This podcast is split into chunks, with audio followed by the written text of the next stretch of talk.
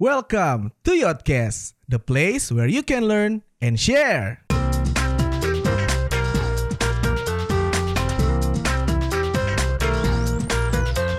Kita beralih ke pertanyaan-pertanyaan tentang sebenarnya ada satu hal yang pengen aku tanya sih. Jadi kan kalian ini berkutat di dunia yang dekat dengan kecantikan atau menilai sesuatu eh, juga berdasarkan fisiknya. Bukan bukan bukan menilai sesuatu berdasarkan fisiknya juga sih. Gimana ya menjabarkannya? Fisik jadi Fisik salah jadi satu salah satu penilaian. penilaian. ya kan? Ada ungkapan nih, katanya orang-orang yang cantik atau orang-orang yang ganteng itu akan jauh lebih dilihat ketimbang sama orang-orang yang enggak. Kalian setuju gak sih sama ungkapan itu? Nah kalau seandainya ada nih orang-orang yang mungkin merasa dirinya, aduh aku nggak good looking nih ternyata aku nggak cantik menurut masyarakat dan aku nggak ganteng menurut masyarakat. Apa yang sebenarnya harus mereka lakukan?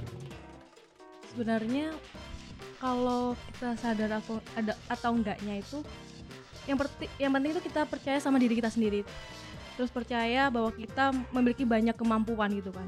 Kalau aku sendiri mandang orang nggak hanya terkait fisik nggak hanya dari lihat covernya aja oh dia good looking atau gimana tapi aku juga lihat dari sisi dalam dirinya dia gitu kan. Karena kadang kalau kita bicara kecantikan itu ya relatif bener banget gitu kan.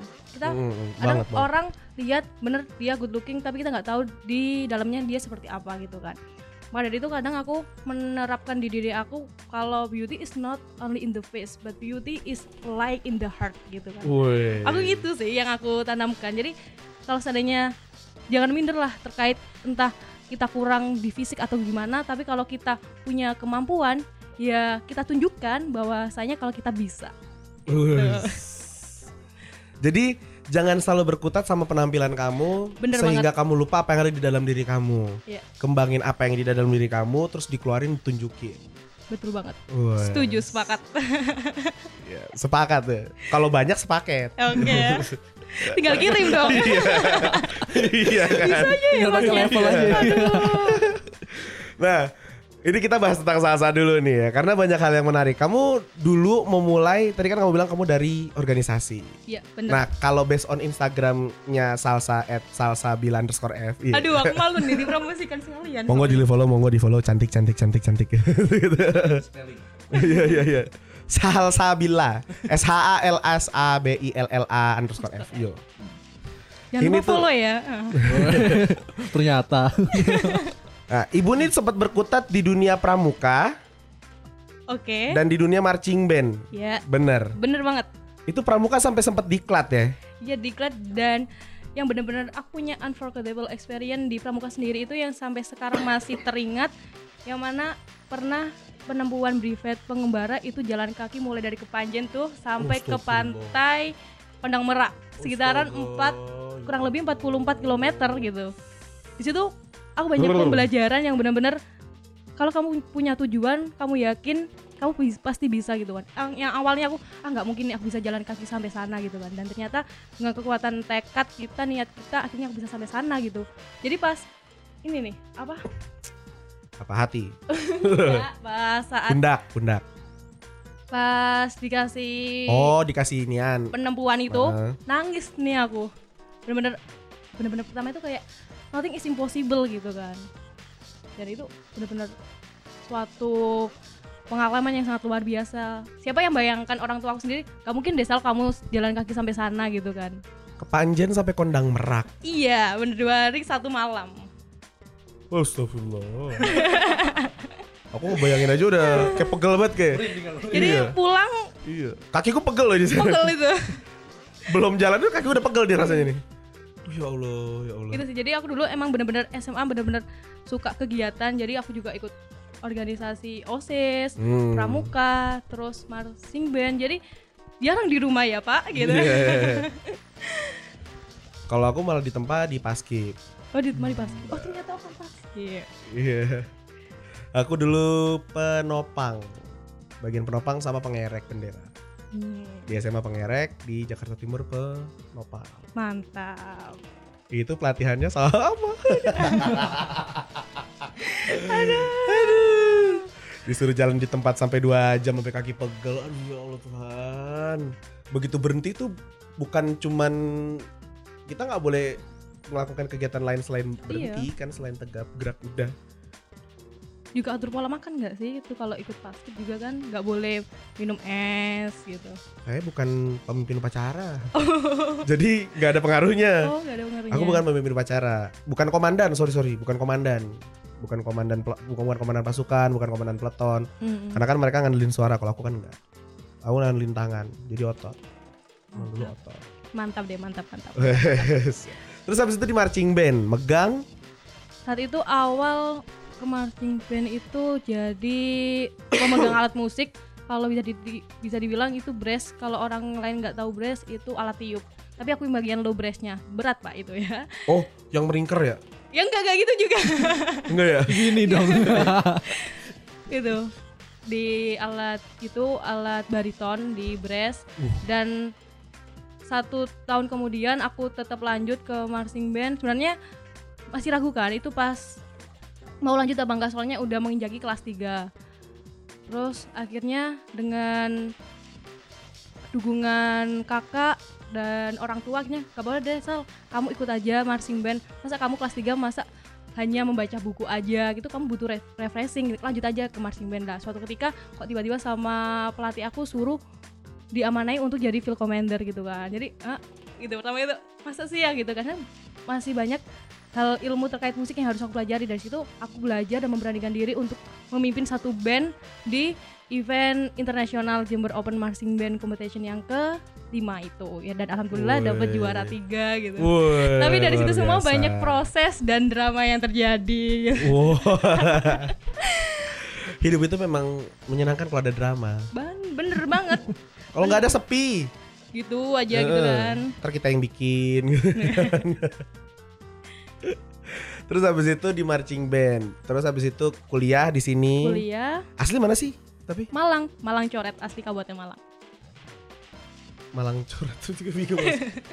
Kabupaten Malang Kabupaten Malang Kepanjen tuh nggak nggak deket-deket banget sama Malang bu sebenarnya.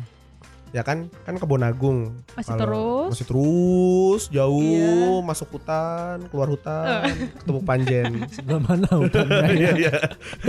Hutan tebu. Kalau lewat Gorken Arok kan muter ya jauh kan. Jauh pak. Jauh banget kalau ke Panjen ya. Mau ngapain anda lewat Gerkan Karo? touring kan Iya. bapaknya laginya Oh, aslinya ke Panjen ya. asli Kepanjen Oh. Jadi udah iya sih. terbiasa gitu kalau mau dari Kepanjen ke kota itu ya lumayan lah satu jaman belum lagi kalau pas Satu macet. jaman. ya kalau aku Berangkat sih- orde lama, datang orde baru gitu. ya. Kan satu jaman. gitu Bukan sih satu jam. Tapi satu sekitar satu Satu jam. jam. Nah. Iya. Sekitar satu jaman. Nah, itu tadi dari salsa, sedikit background dari salsa. Nah, sekarang kita ke Mas Goldi. Ini yang paling menarik, Yoters. idola cilik Kok gitu dibuka kan sih omongannya? Eh, iya, jadi kan hobiku adalah mencari tahu eh, seseorang, ngeriset seseorang. iya bener banget Ya kan? Pas riset Mas Goldi, kok ketemunya salah satunya adalah idola cilik. gimana gimana bisa nyanyi sekilas gitu gimana Idola cilik, idola semua idola. Ayo langsung ke pembahasan. Oh, iya. Oke, idola cilik. Oke, lanjut. Idola cilik bener ya tapi ya. Dulu pernah ikut idola cilik. Pernah, ah, bener. Ikut Indonesian Idol nggak? Nggak nyoba. Enggak.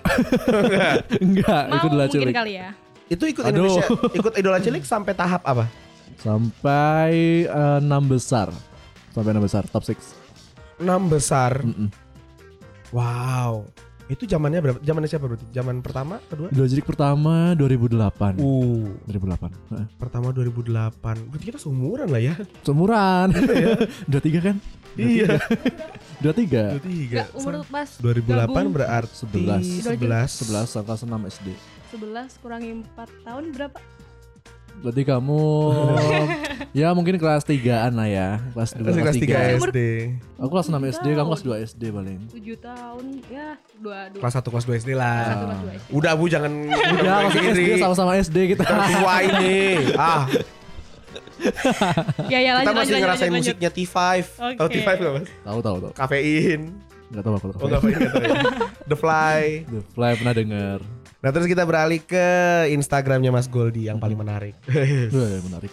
Kalau seandainya kalian ngefollow Instagramnya Mas Goldi at Goldisena apa tadi? At goal di sana. At Goldisena. Itu kalian akan melihat bentuk badan Mas Goldi yang sesungguhnya. Yang mana ya fotonya ya? Emang hobi nge-gym apa gimana Mas?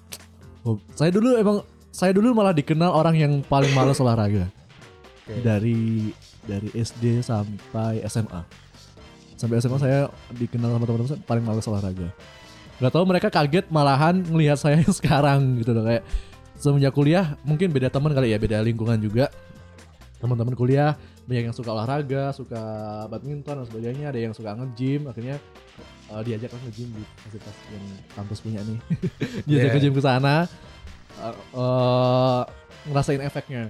Tadi nge-gym pertama uh, nggak nger- nggak ngerasa badan sakit-sakitan dulu sering sakit-sakitan jadi capek dikit panas karena kan punya tipes kan jadi sakit dikit panas sakit dikit demam kayak gitu mungkin nggak tahu ya ke karena suggest suggestion pikiran atau kayak gimana Hmm. gara-gara nge-gym dan sebagainya sering olahraga kayak badan nggak nggak gampang ngedrop kayak gitu sih Tapi akhirnya nggak bentuk badan juga. akhirnya keterusan jadi hobi bonusnya body shape gitu. Bonus kali ya kalau badan jadi bonus ya. Tapi dulu Om Deddy tuh pernah bilang gini, cowok nge-gym itu tujuannya pasti bukan buat ngesehatin badan, Apa? tapi buat ngebentuk badan. ya ya sih jadi 8 50 50 kali ya 50-50 lah ya. 50. emang tujuan awalku emang aku nggak kenal sama sekali nge-gym itu alatnya kayak gimana yang aku tahu cuma treadmill Iya. aku pertama kali nyoba cuma treadmill lari keringetan badan enak gitu Iya. Terus lama-lama temenku itu kan temen Aku nge-gym. malah nggak tahu tuh. Treadmill Pernah ke UBSC ya? Ya. Aku nggak tahu treadmillnya otomatis kan. Udah pencet lari dulu Ah rusak nih. Gitu. Terus kabur coba acara coba alat yang lain. ah, Nora, Nora. itu sih. Oh gitu. ya. mungkin apa ya karena mm, karena sosial media teknologi zaman juga ya. Jadi ngelihat orang badannya bagus kayak kok kayak pengen kayak gitu. Ini kenapa jadi bahas badan saya? Karena menarik ya. Menarik kan? Karena menarik loh. Kadang nggak semua orang bisa punya niat untuk konsisten terkait nge-gym itu sendiri gitu. terkait nge-gym itu sendiri. Itu yang Iya. pertama. Terus yang kedua konsisten untuk memperlihatkan bentuk badannya di Karena badan- Instagram. badan- Nah, itu itu juga. Itu juga. Itu badan juga saya dulu kurus banget soalnya mah Oh, iya. Badan saya dulu kurus banget jadi kalau ngelihat foto-foto aku yang dulu kalau aku dulu waktu kecil malah justru image-nya gemuk, bulat gitu kan.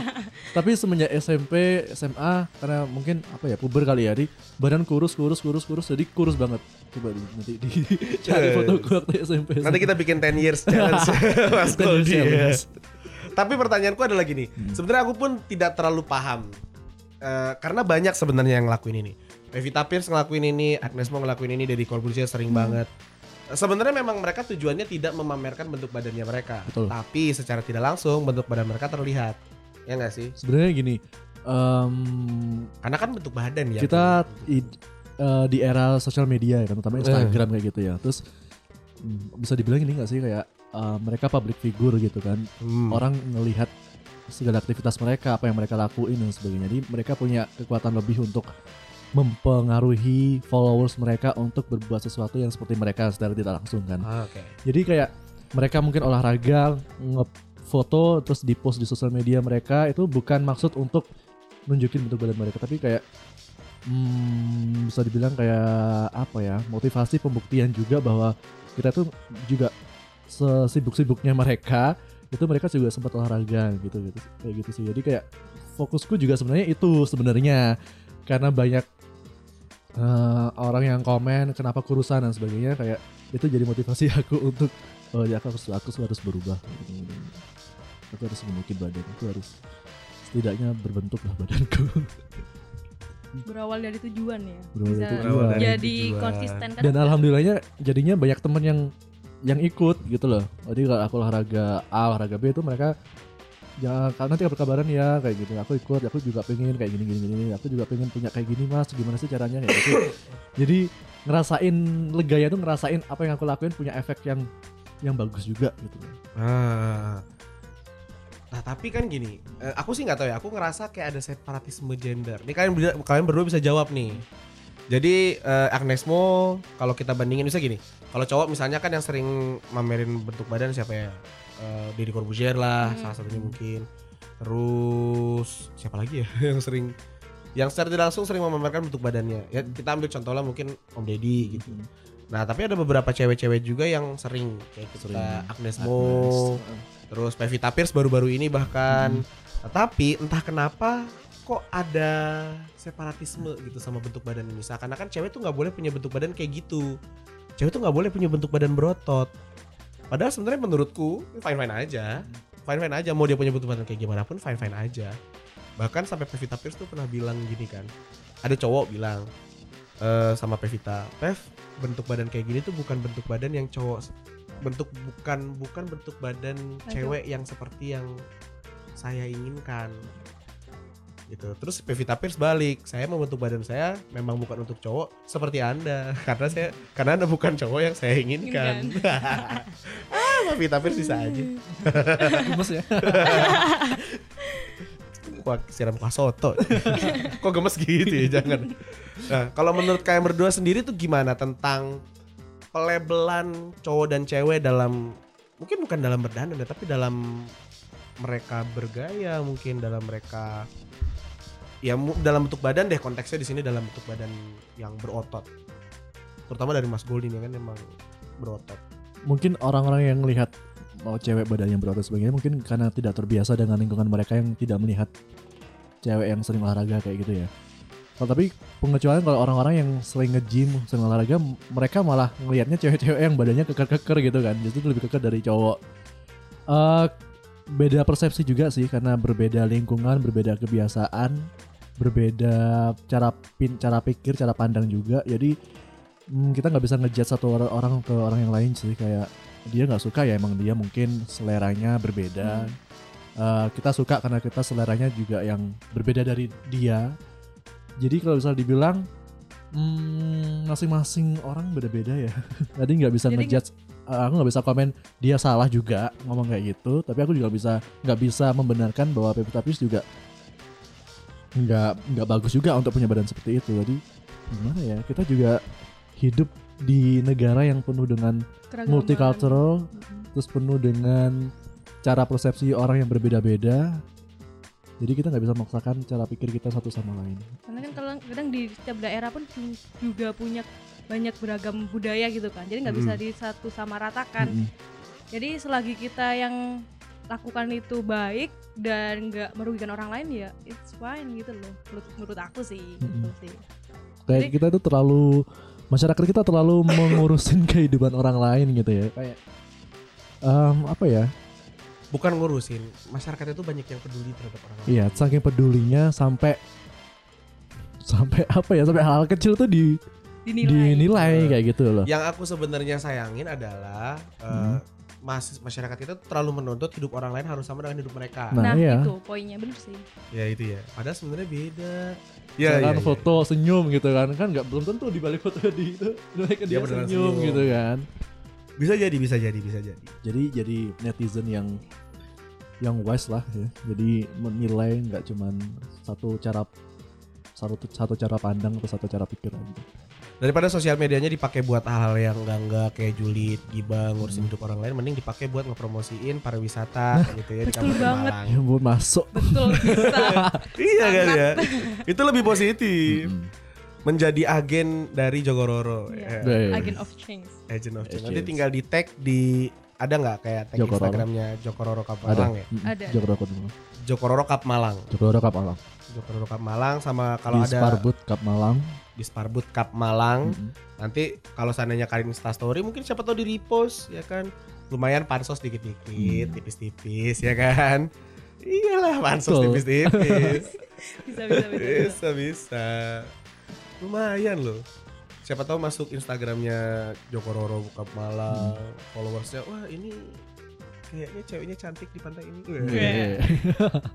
Pemandangannya cantik, ceweknya juga cantik. Uh. Fokusnya ke mana? Digombalin. Waduh, waduh. Nah, mungkin Nah mungkin segitu kali ya Yoters eh, perbincangan kita di episode kali ini dan buat kalian yang pengen ngefollow bisa langsung follow aja at Joko Roro. Dan juga Disparbut ya. Disparbut Cup At Malang. Disparbut Cup Malang. Dan jangan lupa untuk follow Instagram at Yotmalang, Line at Yotmalang, Twitter at Yotmalang, pokoknya semua Yotmalang lah cari aja. Di Google klik ketika kalian nyari Yotmalang pasti keluar semuanya ya. Keluar Yotcase, keluar YouTube kita dan segala-galanya. Nantiin lagi beberapa episode-episode kita yang pastinya bakal seru-seru. Kita bakal ngundang banyak banget orang-orang. Sebelumnya terima kasih juga buat Mas Goldi, buat Mas Salsa Sama-sama. yang udah mau rela-relain datang demi hamba sahaya Aduh. yang biasa saja di sini. Jangan lupa untuk terus dengerin kita di Spotify dan di beberapa musik, eh musik apa sih? Pemutar musik digital favorit kamu ya. Jangan lupa untuk terus pantengin Yotcast juga karena kita masih bakal ngobrolin hal-hal yang gak penting sampai yang penting banget tapi bisa kita penting-pentingin. Bye bye.